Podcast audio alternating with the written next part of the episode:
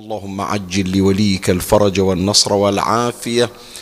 وانصره نصرا عزيزا وافتح له فتحا يسيرا وهب له من لدنك سلطانا نصيرا. رب اشرح لي صدري ويسر لي أمري واحلل عقدة من لساني يفقه قولي. يا كاشف الكرب عن وجه أخيه الحسين.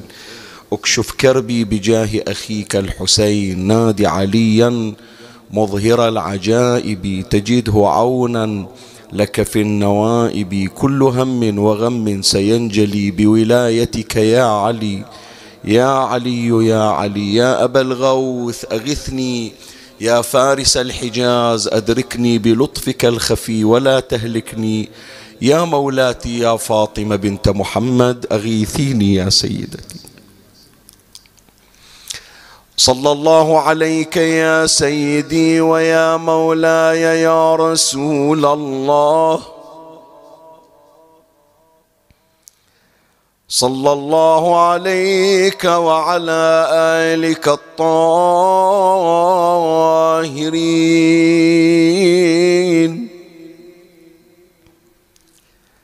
فاز من اعتصم بكم. وامنا من لجا اليكم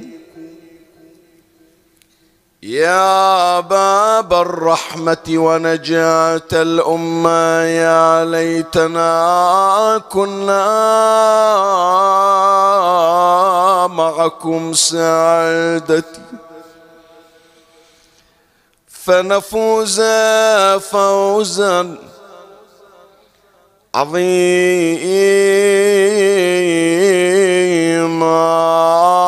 يا غريب.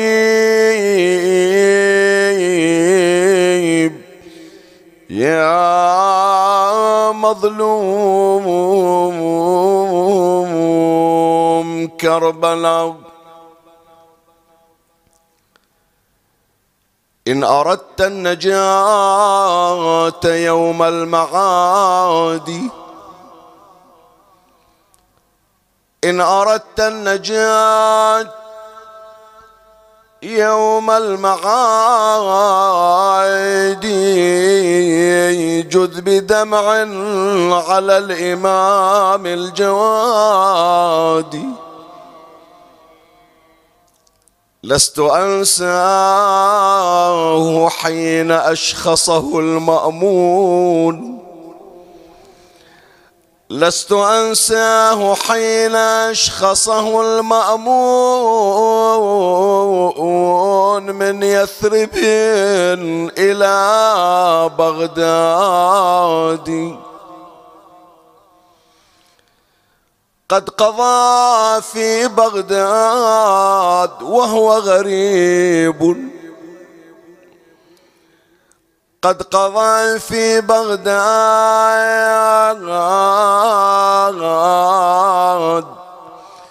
وهو غريب بفؤاد من شعلة السم صادي والتي قدمت له السم أم الفاضل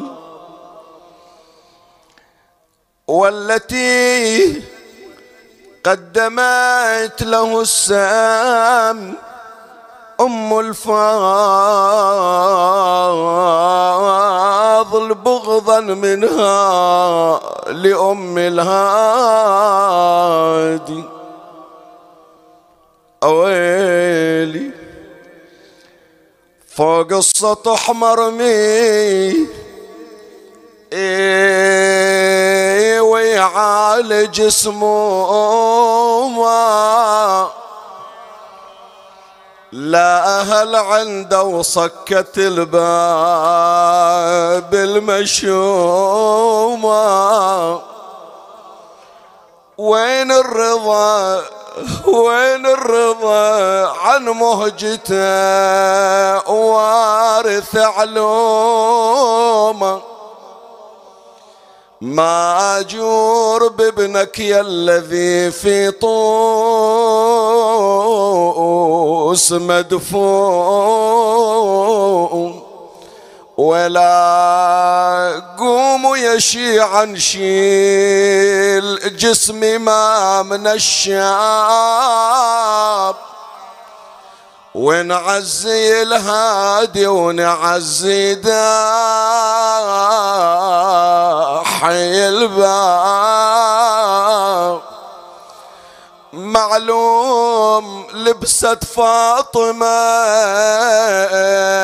هاليوم جلباب. نصبة الماتم والدمع يجري من العيون. ولا راح وأولادك يا بتول. راح وأولادك يا بتول. دندبيهم حطي الماتم نصبي الماتم عليهم. عدهم يتامى يا بتولة دكفليهم قومي ولمي هاليتامى لا يضيعوا الشاعر يوصي الزهرة بأيتام الإمام الجواد شنو ثلاثة أربعة بحماية إمامنا الهادي أهل المدينة دايرين بالهم على أيتام الجواد لكن مولاتي زينب عندها أربعون يتيم ويتيم. وقد حرقت الخيام عليهم إذا بكت إحداهن قرعت بالسياط هناك الزهرة لازم تحضر ليلة 11 في كربلاء على زينب. صاحت تعالي تعالي يا أم حسن يا يمه تعالي. تعالي وشوفي كربلاء إيش سوت. حالي يتامى عن يميني وشمالي يما يا يما بنتك بقت من غير. إنا لله وإنا إليه راجعون.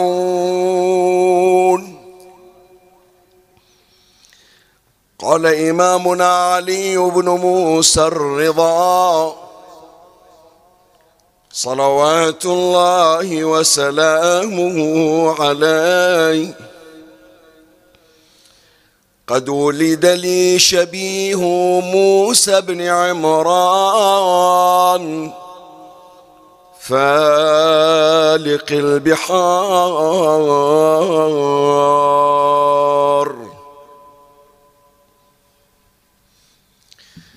هذا المقطع الوارد عن الإمام علي بن موسى الرضا عليه السلام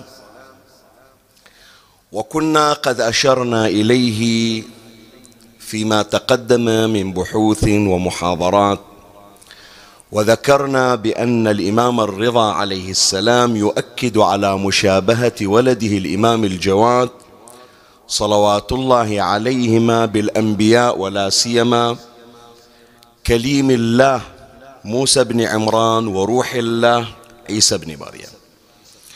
بالنسبة للمتابعين يتذكرون أننا قد خصصنا محاضرة تحدثنا فيها عن أوجه الشبه بين نبي الله عيسى بن مريم وبين الإمام محمد بن علي الجواد صلوات الله عليهما.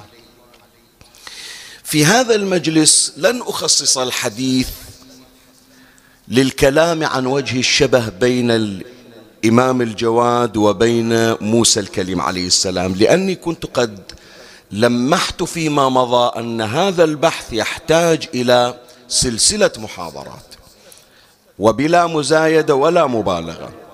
يعني من تريد تتكلم عن أوجه الشبه بين الإمام موسى بين الإمام محمد الجواد عليه السلام وبين نبي الله موسى ابن عمران. صلوات الله عليهما تجد بحوثا واسعة في هذا المضمار. وهذا يترك إلى مظان إن شاء الله أوفق في أيام قابلة أن أخصص سلسلة للحديث عن أوجه الشبه بين موسى الكليم وبين محمد الجواد عليه السلام. لكن يهمني اليوم أن أشير إلى هذه العبارة التي أشار إليها الإمام الرضا عليه السلام. حينما ذكر هذه الخصلة لموسى بن عمران قال ولد لي شبيه موسى بن عمران فالق البحار. طبعا شوف نفس هذه العبارة فالق البحار هذه تحتاج أيضا إلى بحوث أن المعاجز التي كانت عند الإمام الجواد هي المعاجز التي هي عند موسى الكليم. والعصا التي كانت عند موسى الكليم والتي فلق بها البحر وصلت إلى الإمام الجواد عليه السلام. ثم سلمها الإمام الجواد إلى ولده الإمام الهادي. ومن بعد الإمام الهادي إلى الإمام العسكري وهذه العصا هي اليوم عند إمامنا قائم آل بيت محمد الحجة بن الحسن عجل الله فرجه الشريف وسيخرجها في نهاية المطاف وفي آخر الزمان. وكنا قد أشرنا إلى هذا المعنى. هذا من ضمن ما يثار حول هذه العبارة. لكن ما نريد أن نجعله مدخلا ومنطلقا للحديث عن إمامنا الجواد عليه السلام في هذا اليوم المصادف لذكرى شهادته عليه السلام أن استخدام الإمام الرضا عليه السلام لعبارة ووصف فالق البحار يريد أن يشير إلى قوة شخصية موسى الكليم عليه السلام. يعني عبارة فالق البحار مو عبارة هينة يا إخواني. شلون أنا أقول لك؟ واحدة منها موسى الكليم. خرج مع بني إسرائيل فارا من جيش فرعون وأتباع فرعون وأنت جد خبير بشراسة فرعون الذي كان يبقر بطون الحبالة. زين. أيضا يقف عند بحر البحر المتوسط. فرعون من خلفه والبحر أمامه. فلا يخاف من كيد فرعون. ولا يخاف من أهوال البحر. بل يضرب البحر موسى الكليم عليه السلام فينشق البحر كالطودين العظيمين ثم يقوم بفلق البحر حتى يحدث فيه اثني عشر طريقا لاثني عشر فرقة من فرق الأصباط هذا كله يكشف عن قوة شخصية موسى بن عمران على نبينا وآله وعليه وعلى سائر الأنبياء والمرسلين آلاف التحية والسلام. من جاب الإمام الرضا عليه السلام هذا المصطلح يعني ما قال شبيه موسى ابن عمران صاحب العصا. ولا قال مثلا شبيه موسى ابن عمران الشديد على الأعداء الرحيم على قومه. لا استخدم عبارة فالق البحار لأنها فيها رمزية وفي طياتها إشارة إلى قوة شخصية موسى. فمن قال الإمام الجواد شبيه لموسى فالق البحار يعني قوة الشخصية التي هي عند موسى الكليم هي قوة الشخصية التي عند الإمام الجواد عليه السلام. وراح يمر علينا في أثناء البحث إن شاء الله أنه لا قوة شخصية الإمام الجواد تفوق قوة شخصية موسى الكليم. إذا قوة شخصية موسى الكليم تجلت بعدما كبر موسى ابن عمران الإمام الجواد عليه السلام لا زال طفلا صغيرا ويمتلك قوة شخصية ويستطيع إرهاب أكبر رأس في زمنه وهو لا زال ابن سنيات يسير هذا لم يتحصل إلى موسى ابن عمران. ف بعد هذا التمهيد وهذا المدخل وهذه التوطئة راح نمر إن شاء الله فيما تبقى عندنا من الوقت على بعض ما ذكر في الروايات من أخبار تدل على قوة شخصية الإمام الجواد عليه السلام. وقد خصصت الحديث في جوانب ثلاثة أمر عليها تباعا إن شاء الله معكم ومن الله. أستمد العون والتوفيق ومن مولاي أبي الفضل العباس المدد وألتمس منكم الدعاء وثلاثا بأعلى الأصوات. صلوا على محمد وآل محمد. اللهم صل على محمد وآل محمد واجل فرجهم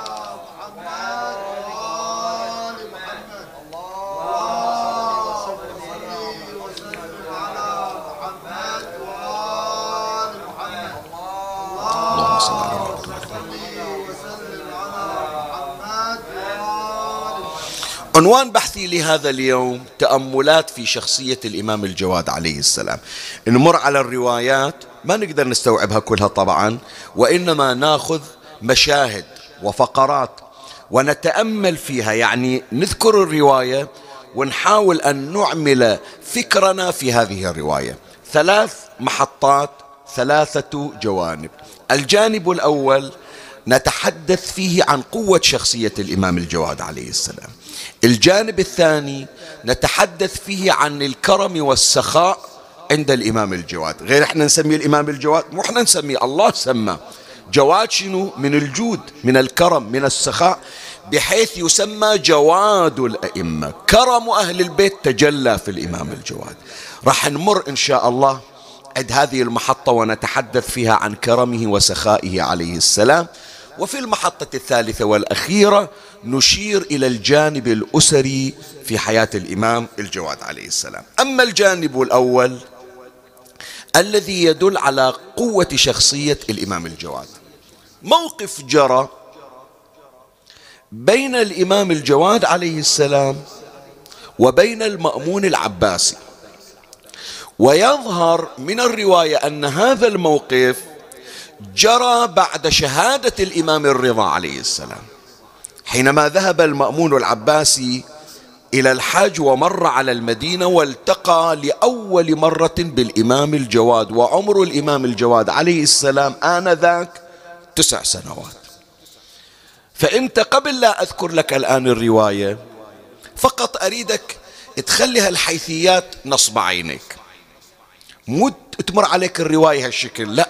فكر فيها. أولا المأمون وما يمتلك المأمون. من سلطة من عساكر من بطش من علم من معرفة من امتداد لدولته من ثروات هائلة ورثها من هارون الرشيد. زين؟ وقسوة المأمون العباسي ومكر ودهاء المأمون العباسي الذي قام بتدبير حيلة لقتل الإمام الرضا دون أن يعلم أحد. زين. إذا عرفت هذا كله عن المأمون تجي إلى الإمام الجواد عليه السلام ولا نستصغر شيئا هو أن لنا ذلك. بس أقول لك تسع سنين عمره طفل عمره تسع سنين. إحنا جايين نذكر القضية لو أن هذا الموقف صار لأي أحد غير الإمام الجواد. الآن من بعد ذكر هذه الحيثيات سريعا إيش تتصور من واحد قائد عسكري وجاي ويا جيشه ويستقبل في طريق الموكب طفل عمره تسع سنين. أعزل ما عنده شيء. طبعا عنده كل شيء. لكن إحنا نقول فيما لو هذا الموقف صار لأي طفل آخر شو يقدر يسوي؟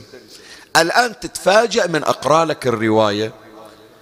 كيف هو اللقاء الأول الذي جمع بين الإمام الجواد عليه السلام وبين المأمون العباسي؟ طبعا الرواية هذه طويلة وصار فيها حوادث بس أنا اخترت منها هذا المقطع تحديدا. خلي أقرأ لك.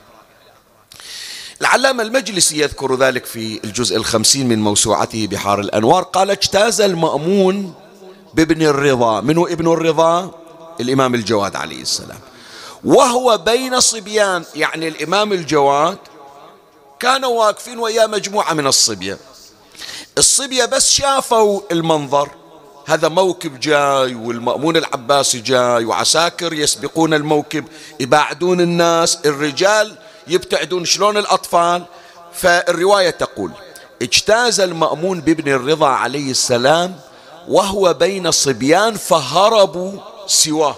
يعني كل الأطفال هربوا إلا الإمام الجواد ظل واقف مكانه. فقال منو؟ المأمون. فقال علي به. منو يقصد؟ الإمام الجواد ليش ما هرب ويا الصبيان؟ ليش واقف في الطريق؟ جيبوه. وطبعا جيبوه. مو قصة والله أنه مستوقف لنا أي صبي آخر لا. قلت لك المأمون العباسي داهية ويقول أن هالموقف ما يصير من أي أحد إلا من شخص له اعتماد على قوة الله ما يهاب من أحد. وإذا توفر عن بالله عد هذا الصبي فإذا هو يشك أنه من أهل البيت. وإذا ثبت أنه من أهل البيت هل أنه إمام أو ليس بإمام؟ فإذا هو إمام إذا اللي أخاف من الرضا لازم أخاف من نفس الجواد. يعني الخطر ما انتهى بموت الرضا الخطر بعد قائم بوجود الجواد. فهو من جابه يريد يمتحنه يريد يختبره يشوفه هو الإمام لولا. الآن تبتدي المحاورة. فقال المأمون علي به. جابه الإمام الجواد عليه السلام للمأمون فقال له ما لك لا هربت في جملة الصبيان؟ فقال عليه السلام شوف العبارة وتذكر الحيثيات قلت فقال عليه السلام ما لي ذنب فأفر ولا الطريق ضيق فأوسعه عليك. شوف حتى عبارة لي ذنب فأفر تحتاج إلى أولا الله عليه يبين قوته وشجاعته أنه لا ينهزم ولا يقوم وأنا لست بخائف أنا ما ارتكبت ذنبا يستوجب الخوف. لو كنت نعم مذنب مو بس من عندك مو بس في حقك بحق أي شخص آخر. لابد أخاف من الله مو من عندك. شايف؟ فيثبت عصمة ويثبت شجاعة والجنب الثاني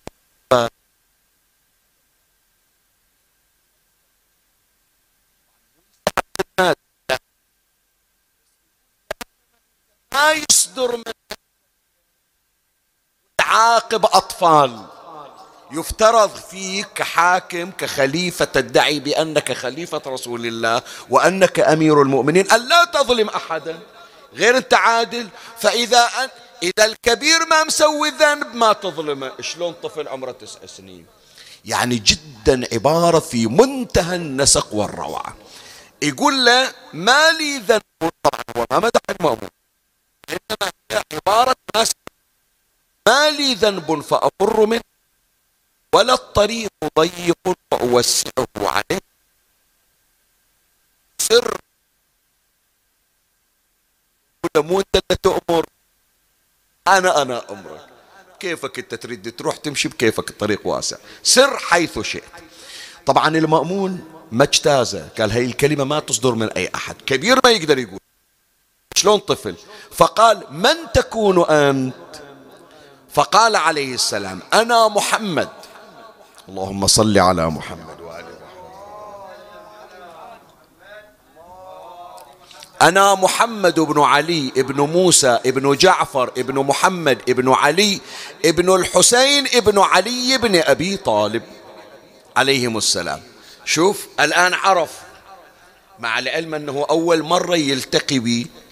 وما دام ذكر هالاسم على الأقل من باب المجاملة يقول له ترى إحنا عيال عام أبوك ترى كان عندي. مو هذا الآن الولد؟ مو هو ابن ولي العهد لو لا مو اسم أبوه مسكوك على العملة لو لا يعني مو شخصية عادية. فالمفروض ما يجامله يقول له ترى أنت محسوب من عندنا أنت كذا من عيال عمنا أنت أبوك كان ساكن عندي أنت أنت. لا. شوف وين رايح المأمون. فقال له المأمون ما تعرف من العلوم؟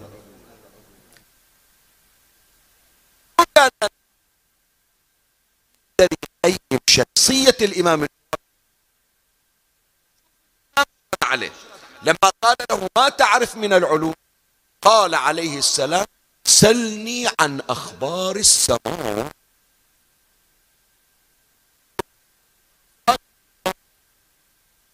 سئلة غير تسائله غير تقول له ما عندك ما من علوم؟ ماذا تعرف من العلوم؟ الآن قال لك أنا أعرف. شوفه هو صادق وهو أبو الصدق. هو صادق لا هو مدعي. أنت تريد تتعرف. من قال له؟ سلني عن أخبار السماء.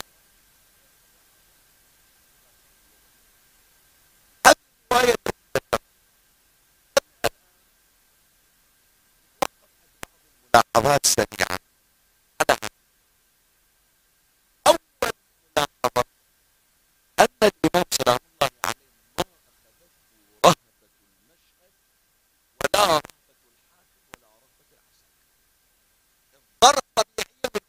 من عنده. بدليل أن الصبية بمجرد أنهم شافوا المنظر كلهم هربوا من غير ما يقولون لهم ابتعدوا. هم خافوا. الإمام ما أخذته الرهبة ولا الخوف.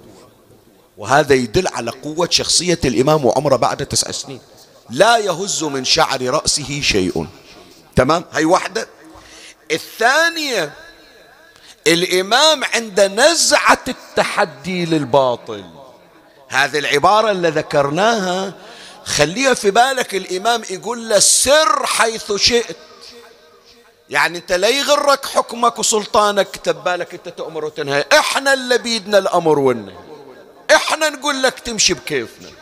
مو أنت تقول لنا نمشي بكيفك. تمام؟ فالإمام بمنتهى التحدي والتصدي لجبروت المأمون آنذاك يقول له سر حيث شئت. الطريق له ضيق حتى أوسعه ولا إحنا مسوين ذنب حتى تعاقبنا عليه.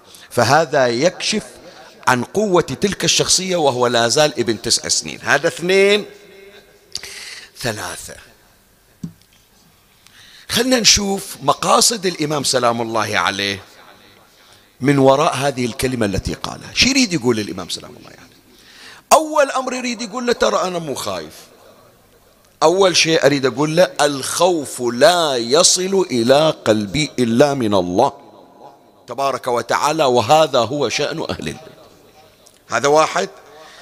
ثانيا أنت لو تلزم واحد الآن سواء كان صغير أو كبير وتقول له أنت منو؟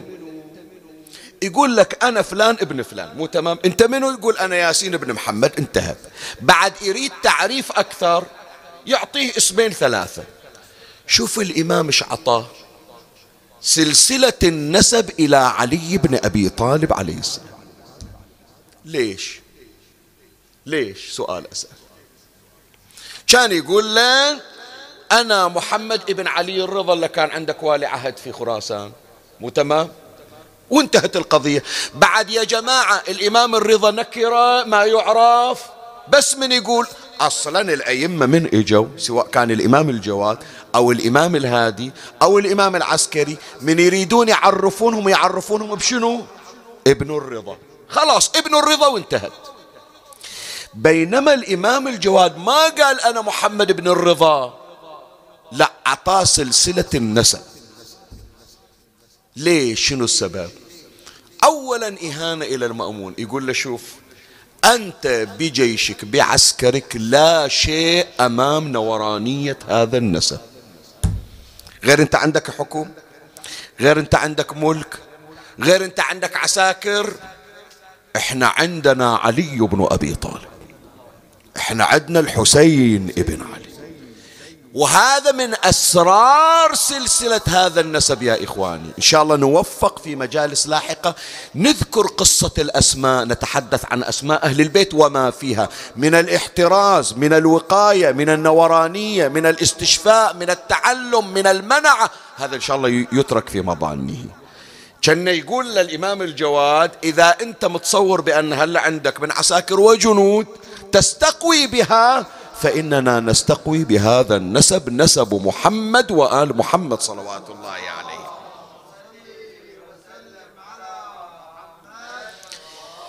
المقصد الثالث للإمام الجواد عليه السلام من ذكر سلسلة النسب يقول له أنت شلون صرت حاكم؟ سؤال أسأل. شلون صرت حاكم أنت؟ أنت قشمرت الناس قلت لهم بأنه أنا ابن عمي رسول الله. مو تمام؟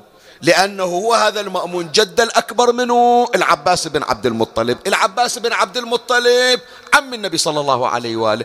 فعلى اعتبار القرابة بينهم وبين النبي صلى الله عليه وآله فهم مع أولاد رسول الله أبناء عموما الإمام الجواد عطاه رسالة مبطنة يقول منو أقرب إلى النبي؟ أولاد العم لو الأولاد والأحفاد إذا أنت استحقيت هذا الملك بقرابتك من رسول الله فأنا أذكر لك الآن سلسلة نسب تبين لك بأني أقرب منك إلى رسول الله. ويذكرني هذا الموقف يا إخواني بموقف جرى بين والد المأمون هارون الرشيد وبين جد الإمام الجواد موسى ابن جعفر عليه هارون الرشيد من اجى إلى مسجد النبي صلى الله عليه وآله. أراد إحنا بتعبيرنا يعني نقول يريد يتباهى قدام اللي قاعدين لأن البعض أول مرة يشوف هارون الرشيد هارون الرشيد في العراق وذول أهل المدينة فيريد يقول لهم ترى أنا ما صرت عليكم خليفة وحاكم إلا لقرابتي من رسول الله والآن راح أراويكم. فإجا وقف عند قبر النبي وقال السلام عليك يا ابن العم. الإمام الكاظم عليه السلام ما راد هذا الموقف يمر مرور الكرام وما راد أنه يستغفل هارون الرشيد ذول البسطاء. انفتل من صلاته وإجا إلى قبر النبي صلى الله عليه وآله قال السلام عليك يا أبه منو أقرب؟ ابن العام لو الولد؟ الولد. زين. هارون الرشيد لو يسكت شغله كله يروح. فيسأل الإمام الكاظم يقول له شلون أبوك؟ شلون أبوك أنت جابك إلى أبوك؟ خو نتصل بنسب مثل ما إحنا أنساب النبي هم أنتوا أنسابه قال أنا أبين لك شلون هو أبويا. لو بعث رسول الله صلى الله عليه وآله الآن لو يطلع النبي من قبره ويخطب بنتا من بناتك تزوجه قال لي الشرف أتمنى أصاهر النبي. قال ولكنه لا يخطب مني ولا أزوجه. لأنه هذه حفيدته شلون واحد ياخذ حفيدته؟ ولا أنا أعطي بنتي إلى جدها. شلون يصير؟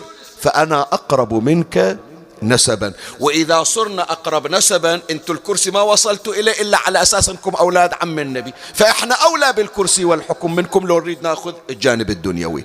فالإمام الجواد عليه السلام من يقول هالكلمة إلى المأمون يعطي سلسلة النسب إلى علي بن أبي طالب وكان يكتفي بأن يقول أنا ابن الرضا. يريد يقول له ترى شوف لا تخدع وتقشمر ذول البسطاء. ترى إذا نريد ناخذها بالأحقية بنسبي أنا أحق بهذا العسكر منك أنت. فلهذا بعد المأمون ما قدر يحكي. من قال له الكلمة؟ مشى عنا وراح زين بعد. خلنا نجي إلى أمر آخر. الإمام سلام الله عليه يقول للمأمون سلني عن أخبار السماوات. شنو أخبار السماوات؟ شو يريد يقول الإمام سلام الله أولا الإمام يريد يقول له كل ما يتعلق بالفلك بالمجرات أنا قادر على أن أعطيك تفاصيلها وهذا من وين جايب لنا؟ من جده أمير المؤمنين عليه السلام. أمير المؤمنين صلوات الله عليه على منبر الكوفة يقول أيها الناس سلوني عن طرق السماوات فأنا أعرف بها من طرق الأرض. انت جنابك الآن في هذه المنطقة في الدين.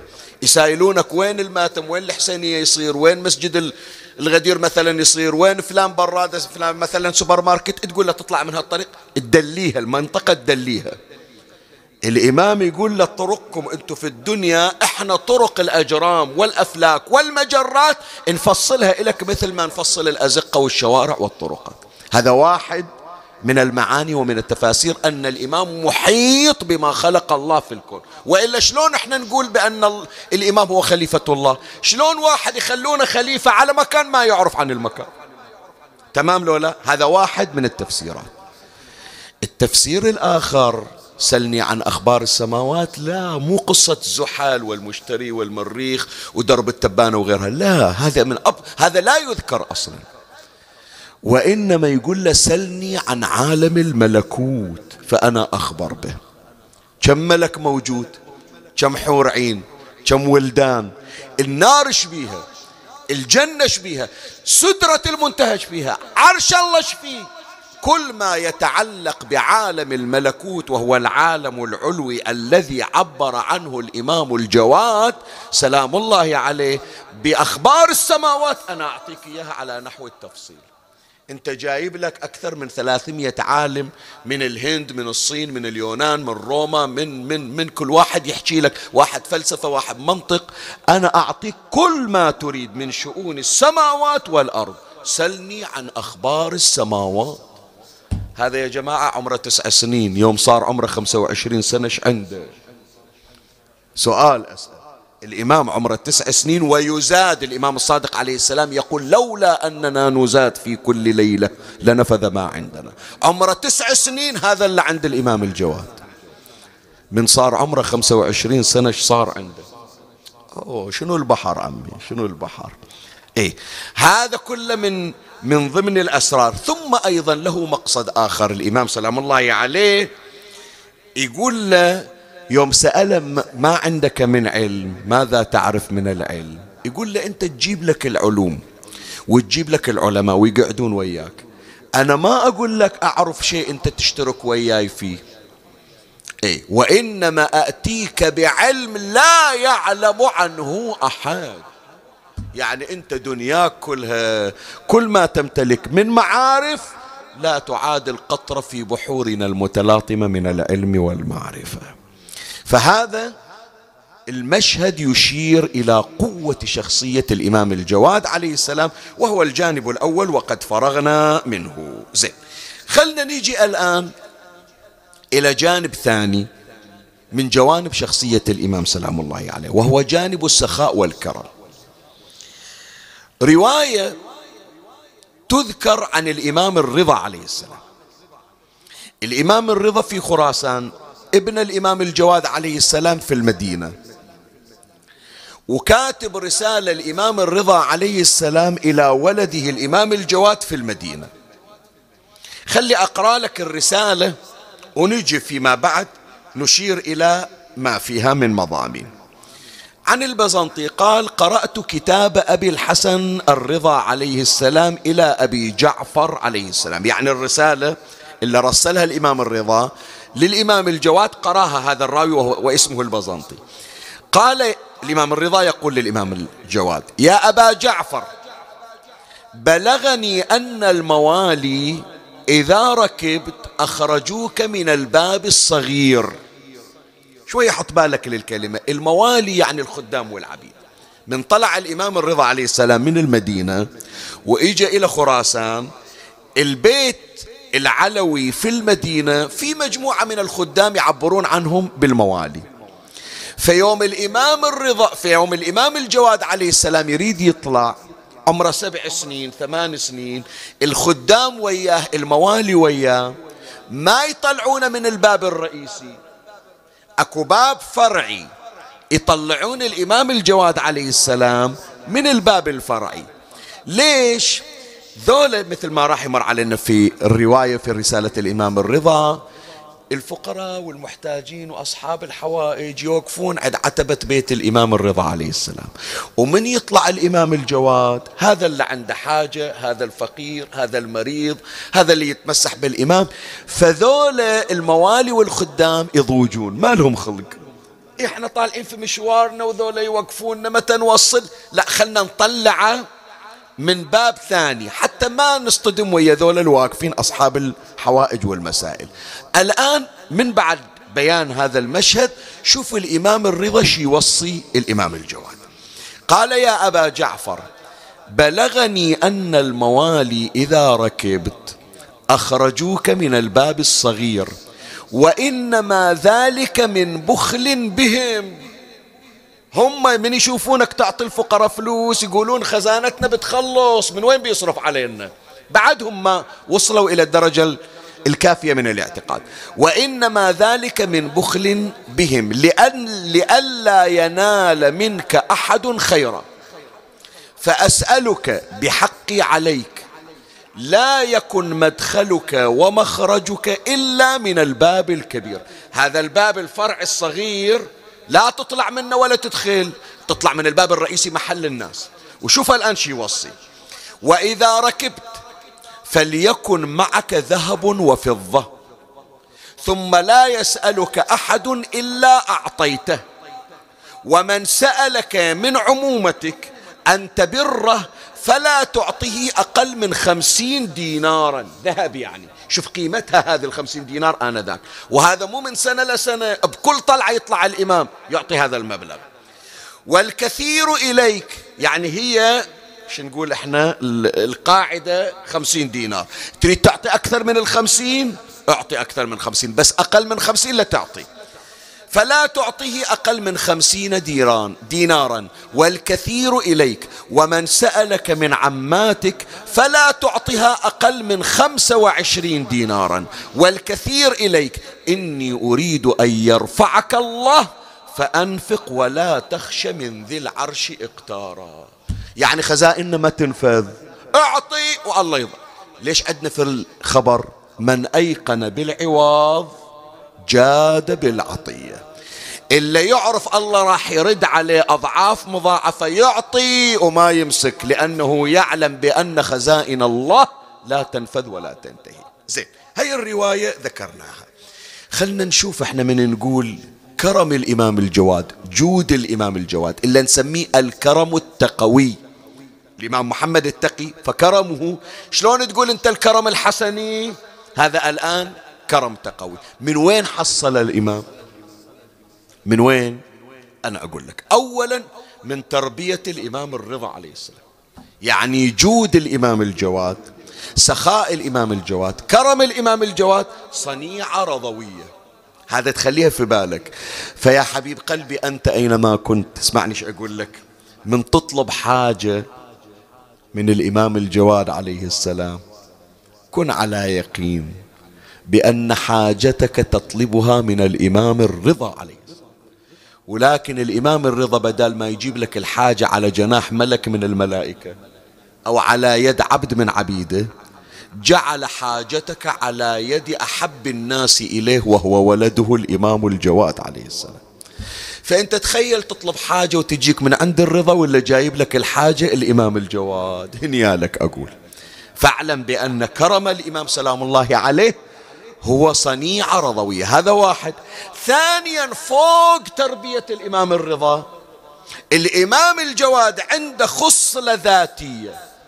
هو في نفسه سخي هو في نفسه كريم. ولهذا الإمام الرضا شي يقول له؟ يقول له والكثير إليك. يقول له أنا صح موصلنك بخمسين دينار بس أعرف أنت عندك سخاء وكرم الخمسين ما تجيب راسك. فأنت بكيفك تريد تعطي أنا ما أمنعك لأن كرمنا هو من كرم جدنا نبينا محمد صلى الله عليه وآله.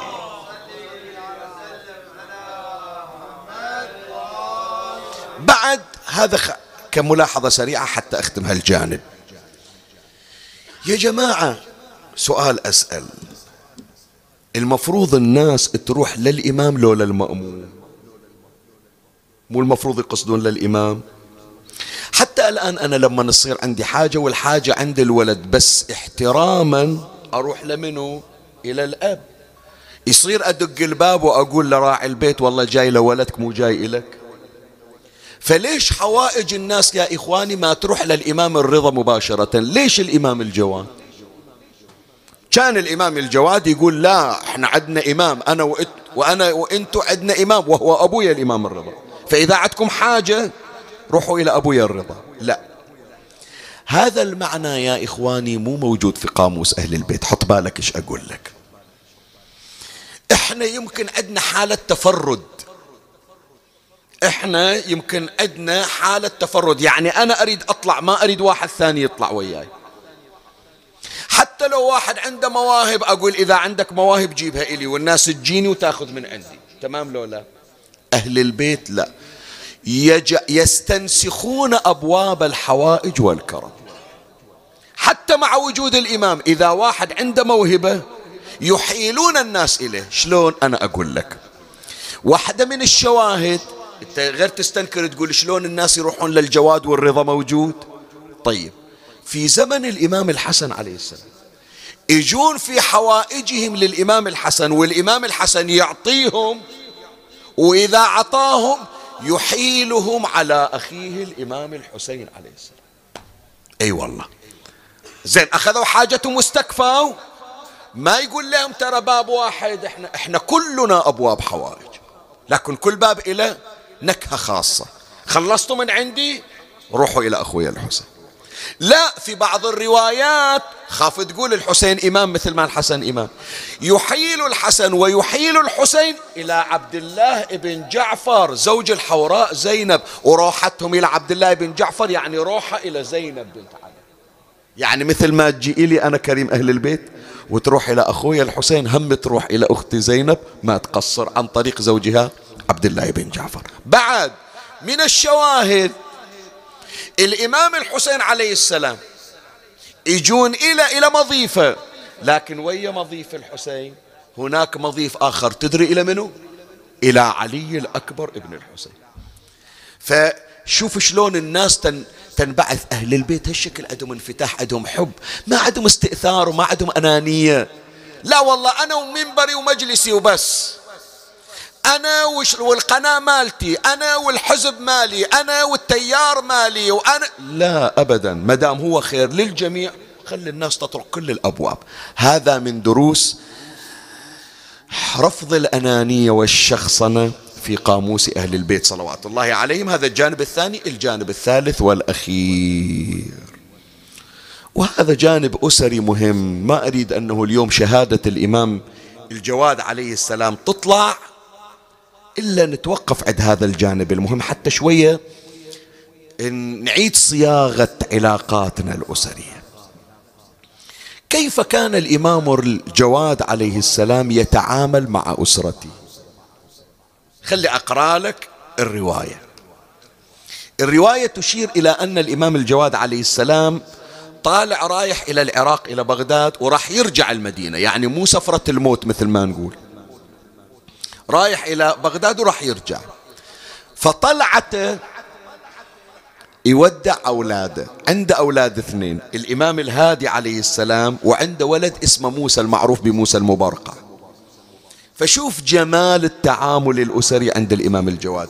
يخلي أولاده في حضنه. ويدللهم. يسأل كل واحد شو تريد أجيب لك هدية؟ شو تريد أجيب لك صوغة من العراق؟ أخلي أقرأ لك الرواية.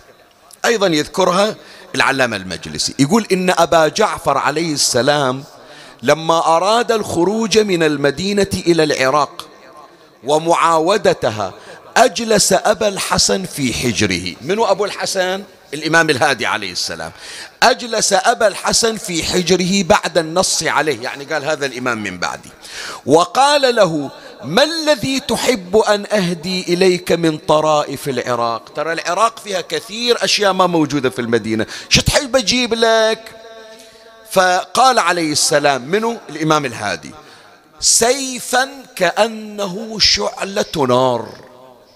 الله أكبر. خلنا نوقف شوية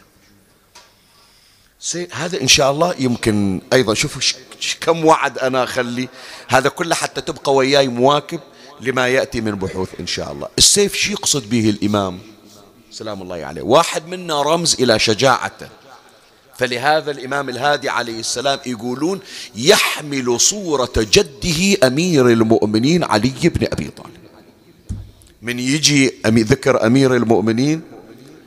يجي ذكر سيف علي. لا فتى إلا علي لا سيف إلا ذو الفقار فكأنما الإمام الهادي يقول إذا جدي أمير المؤمنين إجاه السيف من جبرائيل أنا أريد السيف يجيني من, من أبويا باب المراد محمد الجواد. فسيف حقيقي هذا واحدة.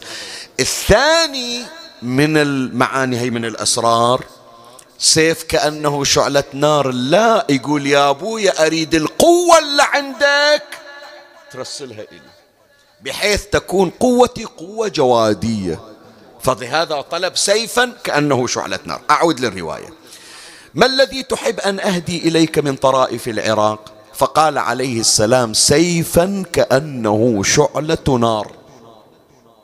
زين خلص من ابن الهادي التفت إلى ولده موسى. قال ما تحب أنت شو تريد أخوك يريد سيف أنت شو تريد فقال فرسا. إذا تحصل لي فرس من العراق رسله إلى المدينة. فقال عليه السلام يعني الإمام الجواد أشبهني أبو الحسن وأشبه هذا أمة. هذا طالع على خواله. بس ابني لا هذا طريق الإمامة عندنا. إيش نستفيد يا إخواني من هذه القضية؟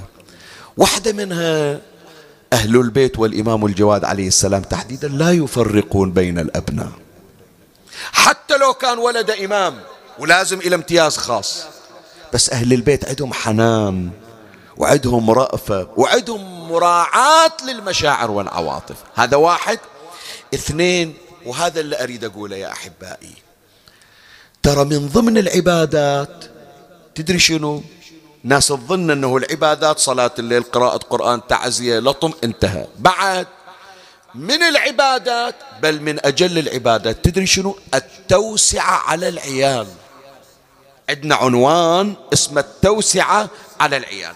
يقول الإمام زين العابدين سلام الله عليه أرضاكم عند الله أسبغكم على عياله.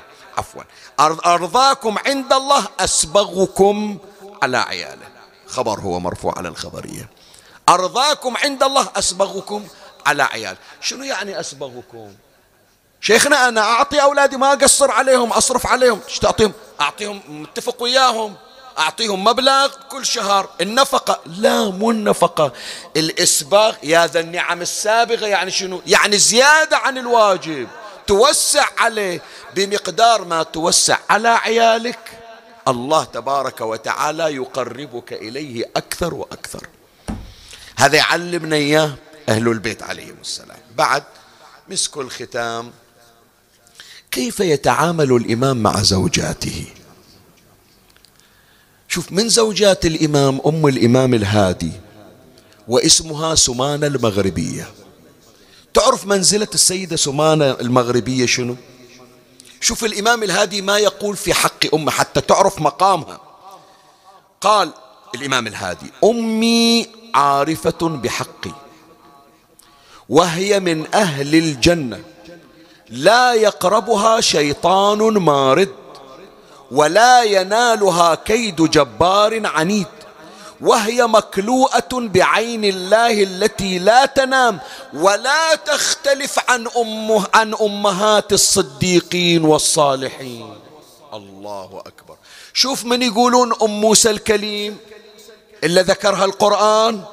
أم الإمام الهادي ما تختلف عن أم موسى الكليم.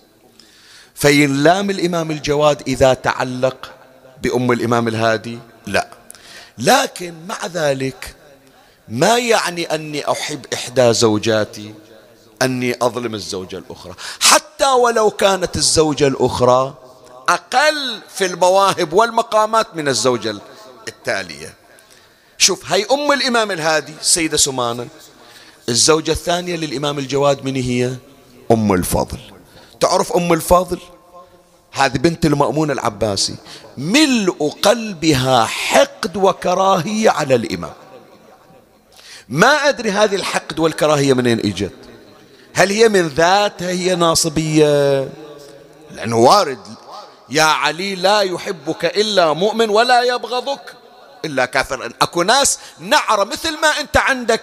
من ذاتك تحب أهل البيت. حتى لو ما أعطوك أهل البيت شيء أنت تحبهم. اكو ناس يبغضون. ما تسمع أمير المؤمنين سلام الله عليه؟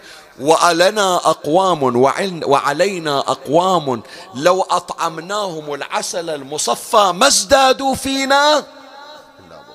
فيمكن هي نصبها وبغضها وحقدها ذاتي لكن هم اجى سبب آخر. الله ما رزقها ذرية من الإمام الجواد عليه السلام. وذرية الإمام الجواد عليه السلام إجت من السيدة سمانة المغربية.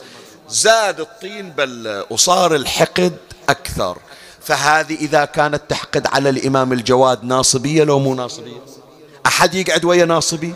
بس ابتلاء الإمام الجواد. الله ابتلى بهذه الزوجة مثل ما ابتلى نوح ومثل ما ابتلى لوط ومثل ما ابتلى عم الحسن.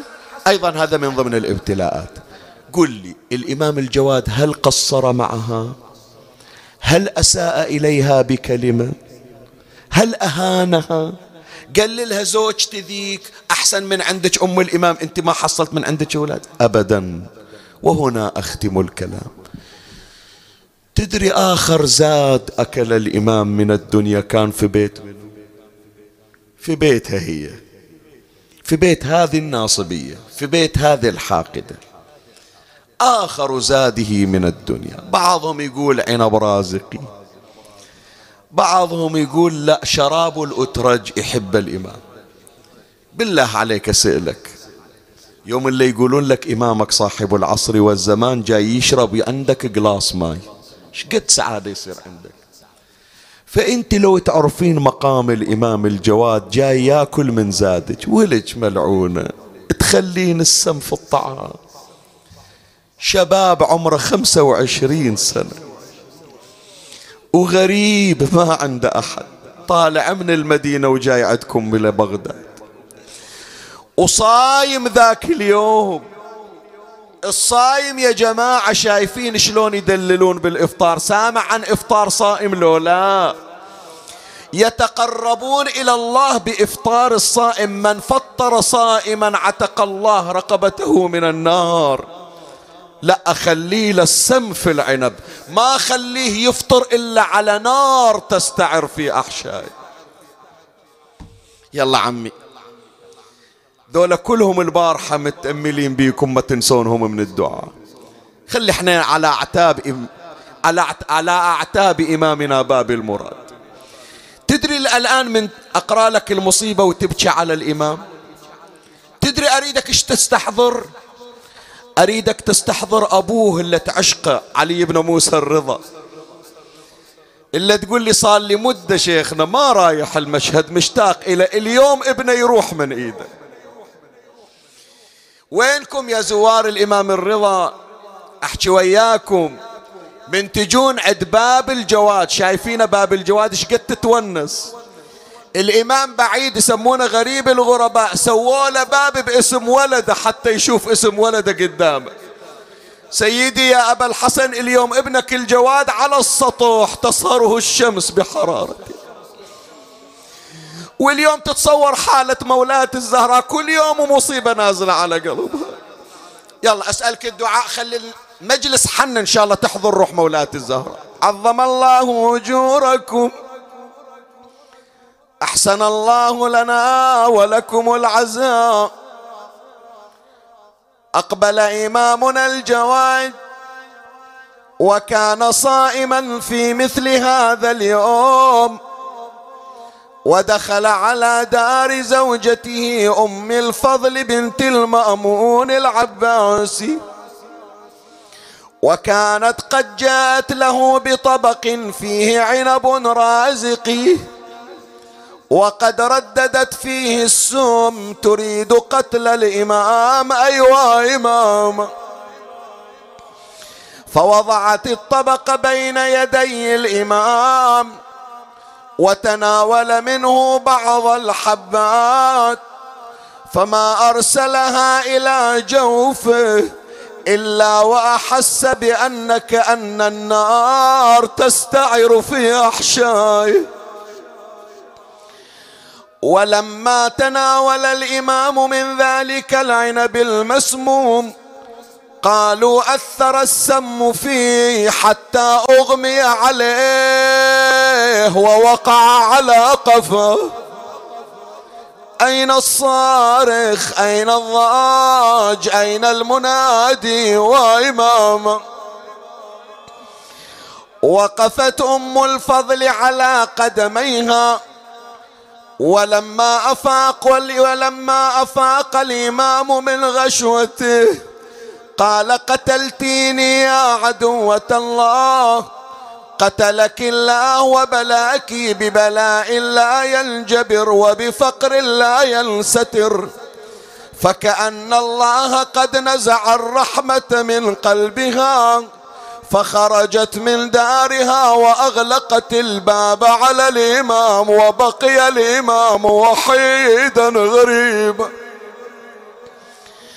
قال صاحب كتاب جنات الخلود وأخذ السم يعمل في جسد الإمام فصار بدنه يخضر ويحمار حتى من شدة حرارة السم أخذ جسد الإمام ينضح دما وويلا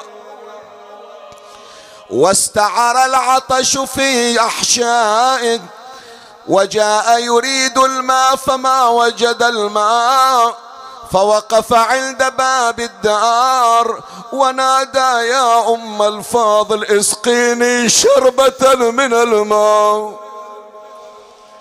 ولما لم يجد منها كلاما أخذ يجوب إمامنا صحن الدار ثم صعد على سطح الدار وكأني به واضع يده على الجدار واليد الأخرى على بطنه فلما جاء إلى سطح الدار أخذه الضعف. هذه أريد من عندك صرخة بها. أخذه الضعف فوقع إمامنا على وجهه. أين الصارخ؟ أين الضاج؟ أين المنادي وإماما ثم أن إمامنا تصرمت أيامه ودنا حمامه. حتى نزل به قضاء الله. أهل الولاية أهل العزاء. حينما نذكر مصاب أئمتنا نقول أن ولده عنده يمد رجليه يسبل يديه لكن إمام هذا اليوم ما عنده أحد. منو يوجه إلى القبلة؟ منو يعدل رجلينا منو يسبل إيدينا؟ منو يغمض عينه؟ منو يعدل الأفراش؟ غريب ما عنده أحد. أتمثله في هذه الساعة يحرك يديه زحفا حتى توجه إلى جهة القبله ولما لم يجد احدا معه غمض عينيه. وأسبل رجليه وأطبق فاه وأشرق النور من جبينه تفتحت له أبواب السماوات وأخذ يقرأ القرآن حتى فاضت روحه الشريفة. أين الصارخ؟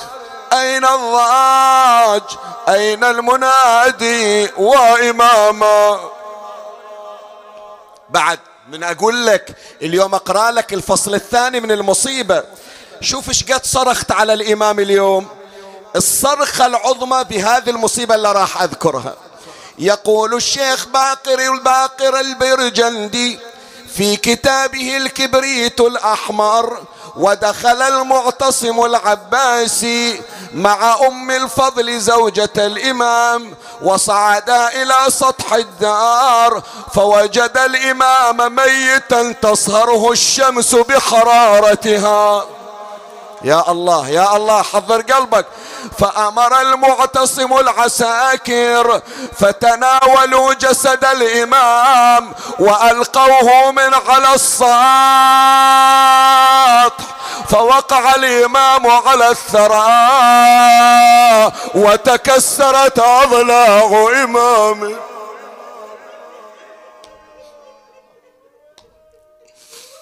شنو من مجلس هذا المجلس عندك شك بعد الزهرة مو حاضرة ويانا؟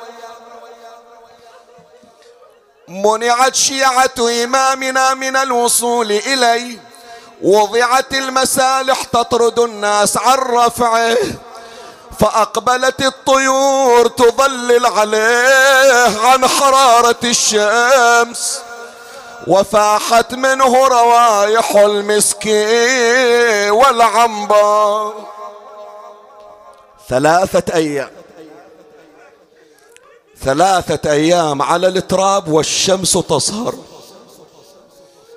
حنت الطيور على هالشاب الغريب وما حنت قلوب بني العباس. عمي قبل لا أقرأ لك الأبيات شوي انطيني مهلة أبوس إيدك. هذه كلمة أول مرة أنا أقولها. يمكن أهل البحرين يدرون عنها إلا من خارج البحرين ما سامعين عنها. اسمع إيش أقول لك. عندنا واحدة في البحرين توفت. بس أقول لك الكلمة وأدخل بالمصيبة. واحدة من البحرين ما أذكر لك المنطقة توفت وما عندها أحد.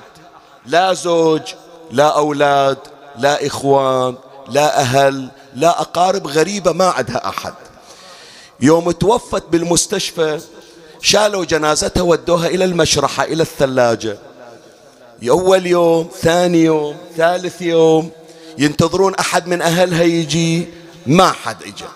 فاتصلوا إلى الصندوق الخيري في المنطقة.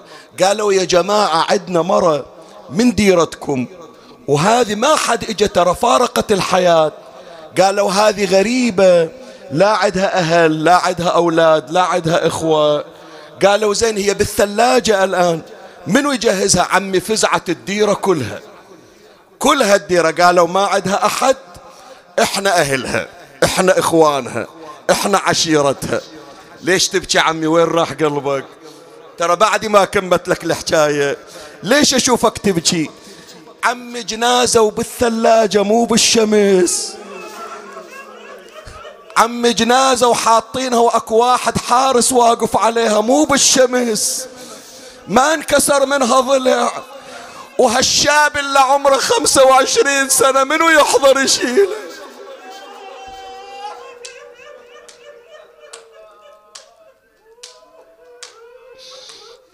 دخيلك مولاتي الزهرة حاضرة ويانا ديري بالك على عينهم. للسطح مرمي ثلاث أيام لك. اسمعني إيش أقول لك؟ للسطح مرمي ثلاث أيام لك. يا غريب الدار ما حضروها لك على السطح مرمي ثلاث أيام لك يا غريب الدار ما حضروا. هلأيك لازم الهادي اللي يجي الليلة لك اليوم اليوم وليدك يجيك إن شاء الله.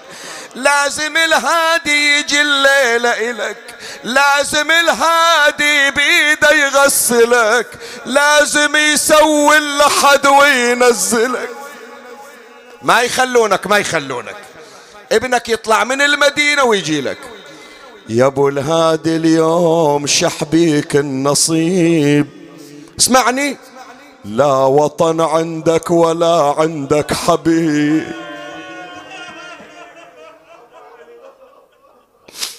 لو تعطيني بس فرصة أكمل لك ترى كل بيت يجرح قلبك أكثر. يا أبو الهادي اليوم شحبيك النصيب لا وطن عندك ولا عندك. حبيب يا غريب وآه من موت الغريب. يا أبو الهادي اليوم شحبيك النصيب لا وطن عندك ولا عندك. حبيب يا غريب وآه من موت الغريب. لكن سيدي مصابك فليهون ويطيب ما بقيت على الثرى عاري سليم قول لي وين انت الآن؟ بالكاظمية لو رحت إلى كربلاء. ما بقيت على الثرى عاري سليب لا انقطع راسك ولا خدك تريب شيخ باقر البيرجندي يقول اجتمعوا الشيعة. هذه مسك الختام خلاص إيش أقرأ لك بعد؟ يقول اجتمعوا الشيعة قالوا نموت لكن جنازة إمامنا ما تظل على التراب إيش قد راح يقتلون؟ واحد اثنين عشرة ألف عشرة آلاف؟ فيقول اجتمع مئة ألف. قالوا إلا نشيع جنازة إمامنا. طلعوا كلهم مئة ألف وطلعوا جنازة الإمام وشالوها على الأعناق وكلهم قالوا لو نموت لكن الجنازة ما تظل على التراب. إي والله وشالوا جنازة محمد الجواد وشيعوها. وزينب تنادي يا قوم أما فيكم؟ مية ألف حضروا إلى الجواد عقب ثلاثة أيام. زينب شقد حصلت من المية ألف؟ رد علي شقد حصلت؟ حصلت أربعين حافر صعدت على صدره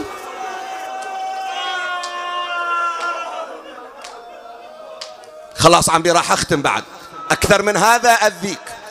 بس ما أريدك تبكي أريد أسمع صوتك. إلا قاعدين بالمجلس مو أريدهم بكائين أريدهم قراء يبكون غيرهم خلي يسمعون ونتكم. طلعت الحارة زينب ودموعها همالة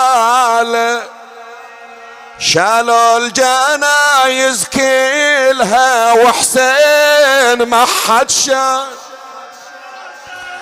لما سمعها بن سعد نادى بعجل لبوها شو نسوي؟ قلبوا الحسين على القافة وجنازته رضوا طلعت خيول عشرة يا عظم ذيك الساعة داست على كنز العلم وتكسرت.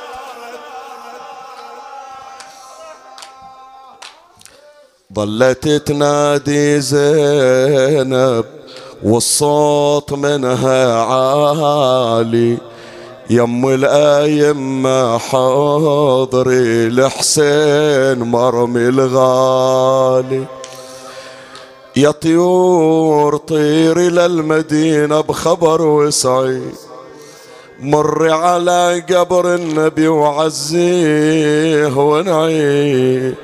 مر على اللي في قبرها تصير ضلعي كسر الضلع بس عاد لا تتذكرين صم أذنك لا تسمع. صم أذنك لا تسمع. ما راح تتحمل تسمع. صم أذنك لا تسمع. ليتك نظرتين الشمر من فوق صدرك.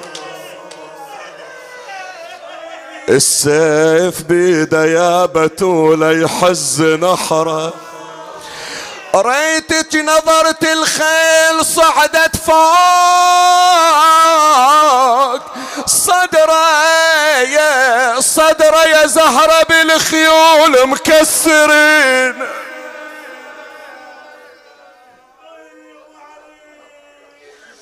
وصدر تربيه البتول بحجرها ترضضه خيل العدا بالحوافر ترضض صدر راعي الحمية ولا خلت من ضلوع بقية ولا خلت من عظام حنية. اسمعني ولا ظل عظم سالم ما تكسر. اللهم صل على محمد وآل محمد. يا من أرجوه لكل خير وآمن سخطه عند كل شعر يا من يعطي الكثير بالقليل. يا من يعطي من سأله يا من يعطي من لم يسأله ولم يعرفه تحننا منه ورحمة. اعطني بمسألتي إياك جميع خير الدنيا وجميع خير الآخرة. واصرف عني بمسألتي إياك جميع شر الدنيا وشر الآخرة. فإنه غير منقوص ما أعطيت. وزدني من فضلك يا كريم يا ذا الجلال والإكرام. يا ذا النعماء والجود يا ذا المن والطول حرم شيبتي على النار. اللهم اقض حوائجنا وحوائج المحتاجين. اللهم فرج عنا وعن المؤمنين. اللهم اشف جميع المرضى يا رب العالمين. اللهم بلغنا الآمال وأصلح لنا الأحوال بحق محمد ولا عجل اللهم فرج قائم آل بيت محمد شرفنا برؤيته وارزقنا شرف خدمته وارض اللهم قلبه عنا فإن في رضا قلبه رضاك. ترحم على أموات وأموات الباذلين والسامعين والمؤمنين أينما كانوا في مشارق الأرض ومغاربها. أوصل لهم ثواب هذا المجلس وبلغهم ثواب الفاتحة مع الصلوات.